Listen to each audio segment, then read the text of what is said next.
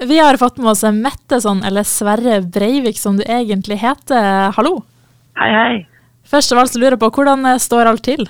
Uh, det går veldig, veldig fint. Uh, jeg er litt uh, travel. Jeg skal spille tre konserter med, på Munch-museet i dag. Um, så prøver jeg meg på en litt annen arena, og så gleder jeg meg skikkelig til å, til å fly opp til Bodø i morgen. Um, så det, det svirrer litt i hodet, men jeg er veldig glad og gira. Ja. Har du vært i Bodø før, eller? Ja, jeg har vært, uh, vært ganske mye i Bodø. Mellomlanda mye i Bodø. Mm. Uh, og så er det noen venner og bekjente i Bodø, så det er, uh, det er skikkelig stas å komme dit, syns jeg. Ja, Begynner å bli klar for konserten du skal holde? Ja, ja, ja absolutt. Kjempeklar. Um, jeg gleder meg altså veldig til å være i en liksom ordentlig konsertsal på et vis, etter å ha spilt masse på sånne utescener og sånne ting. Så det blir skikkelig, det blir skikkelig stas, tror jeg. Og for de som ikke kjenner deg til deg fra før, hvordan er liksom en typisk Mette-sånn-konsert, da? Oi, um, jeg har en uh, jeg har bakgrunn i teater, så jeg, jeg, tror kanskje jeg legger litt ekstra vekt på, på dramaturgi uh, på scenen. Og liksom binde låtene sammen og på en måte prøve å skape en liten fortelling på scenen. Da. Så selv om det er en konsert og er musikken som står i fokus, så er jeg også veldig glad i å være litt teatral da, og bruke de virkemidlene som jeg har uh, fra teatret. Og så har jeg, en, har et fantastisk uh, band som, uh, som, spiller med meg, som er utrolig dyktige musikere. Så jeg håper at folk som er glad i musikk, legger merke til at vi spiller ganske bra sammen, hele gjengen. Og Du sier du har jo bakgrunn i teater. Jeg ser at du gikk på Kunsthøgskolen i Oslo. Det er jo, jeg har jo hørt mm. at det er svært vanskelig å komme inn der. Hvordan var den prosessen? Oi, ja, nå er det lenge siden. da. Det er nesten ti år siden. Jeg tror jeg gikk sånn eh, jeg gikk litt sånn blåøyd inn da jeg var ganske ung. Så jeg gutsa litt og tenkte at det her går aldri uansett, så det er bare å prøve. Eh, og da turte jeg kanskje å gå litt eh, hardt ut og gi alt òg, når det ikke sto så mye på spill, på en måte, for jeg var så ung. Så, så klarte jeg å komme inn. Jeg hadde sikkert litt flaks og uh, en god del hardt arbeid og talent i tillegg. Men ja, det var helt fantastisk å gå på Teaterhøgskolen. Og så har jeg jobbet som skuespiller i mange år etter det, før uh, rundt covid, da jeg begynte å satse på musikken. Så jeg plutselig fikk tid til å gjøre mange andre ting. Og så fant jeg et nytt ben å stå på som, uh, som jeg nå jobber fulltid med. Da, og bare storkoser meg. Og så ser jeg jo du har jo litt sånn eksperimentelle uttrykk, litt sånn spennende klær og sånne ting. Hvorfor syns du det er så artig å liksom ja, skille deg litt ut eh, på den fronten?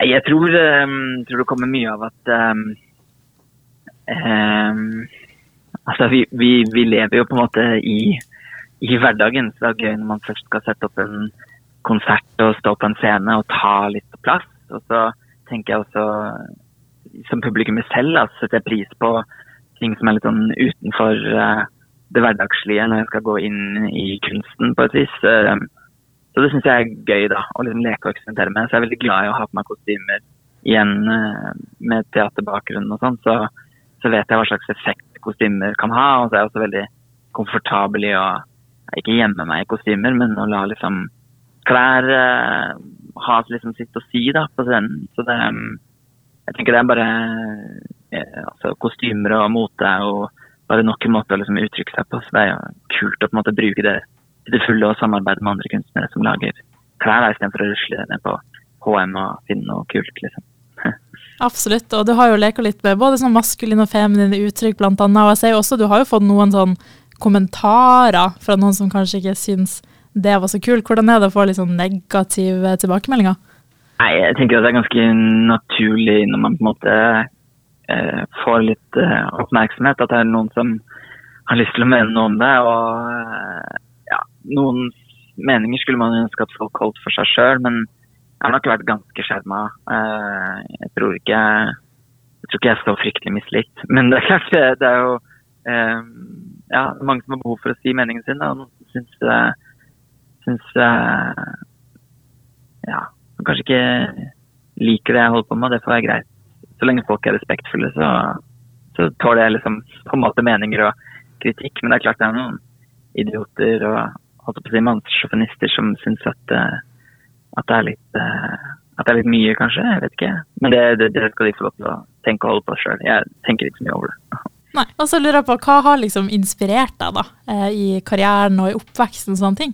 Jeg tror kanskje det som inspirerer meg mest, er å møte Altså sånn som nå, så skal jeg spille på Munch-museet. har tre små konserter der i eh, et rom som en kunstnervenn av meg har, eh, har laget. Da, et, eh, et sånt opplevelsesrom. Eh, hvor jeg på en måte kan gå inn i hans univers og ta med min musikk. Så vi har liksom det samarbeidet der. Og, så, og han ble kjent med på Kunsthøgskolen. Eh, så det er på en måte blir en inspirasjon, en inspirasjonskilde der. Altså han lager litt kostymer til meg, og så gir jeg litt sånn musikk inn til hans rom og utvider hans kunstneriske univers. Og så har jeg noen barndomsvenner som, som er lysteknikere, og når jeg begynner å jobbe med musikk, så kan jeg ta med dem inn, og så blir jeg av de.